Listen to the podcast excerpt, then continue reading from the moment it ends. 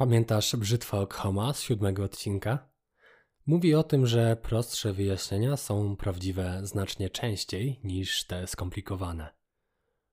Mój drogi lub moja droga, dziś przyszedł czas na kolejną brzytwę do naszego kompletu. Dziś dostaniesz do ręki brzytwę Hanlona.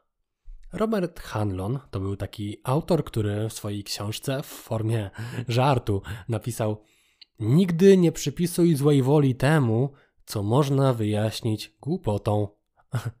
niby żart, niby aforyzm, który wstawiłbyś w opis na gadu-gadu 10 lat temu, ale hmm, przyjrzyjmy się mu bliżej.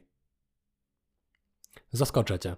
W większości przypadków ludzie nie są źli. Po prostu lubią iść po linii najmniejszego oporu.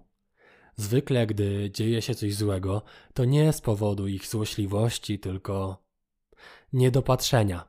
No dobra, głupoty. Brzytwa Hanlona mówi nam, że najprawdopodobniej dana osoba tak naprawdę nie chciała źle, po prostu poświęciła za mało czasu i wysiłku intelektualnego na przewidzenie możliwych konsekwencji. Okej, okay, niektórzy ludzie są po prostu źli, chcą celowo krzywdzić innych i niszczyć świat ale tych ludzi jest tak naprawdę mało. Znacznie mniej niż nam się wydaje. Wiesz skąd wzięło się powiedzenie niedźwiedzia przysługa?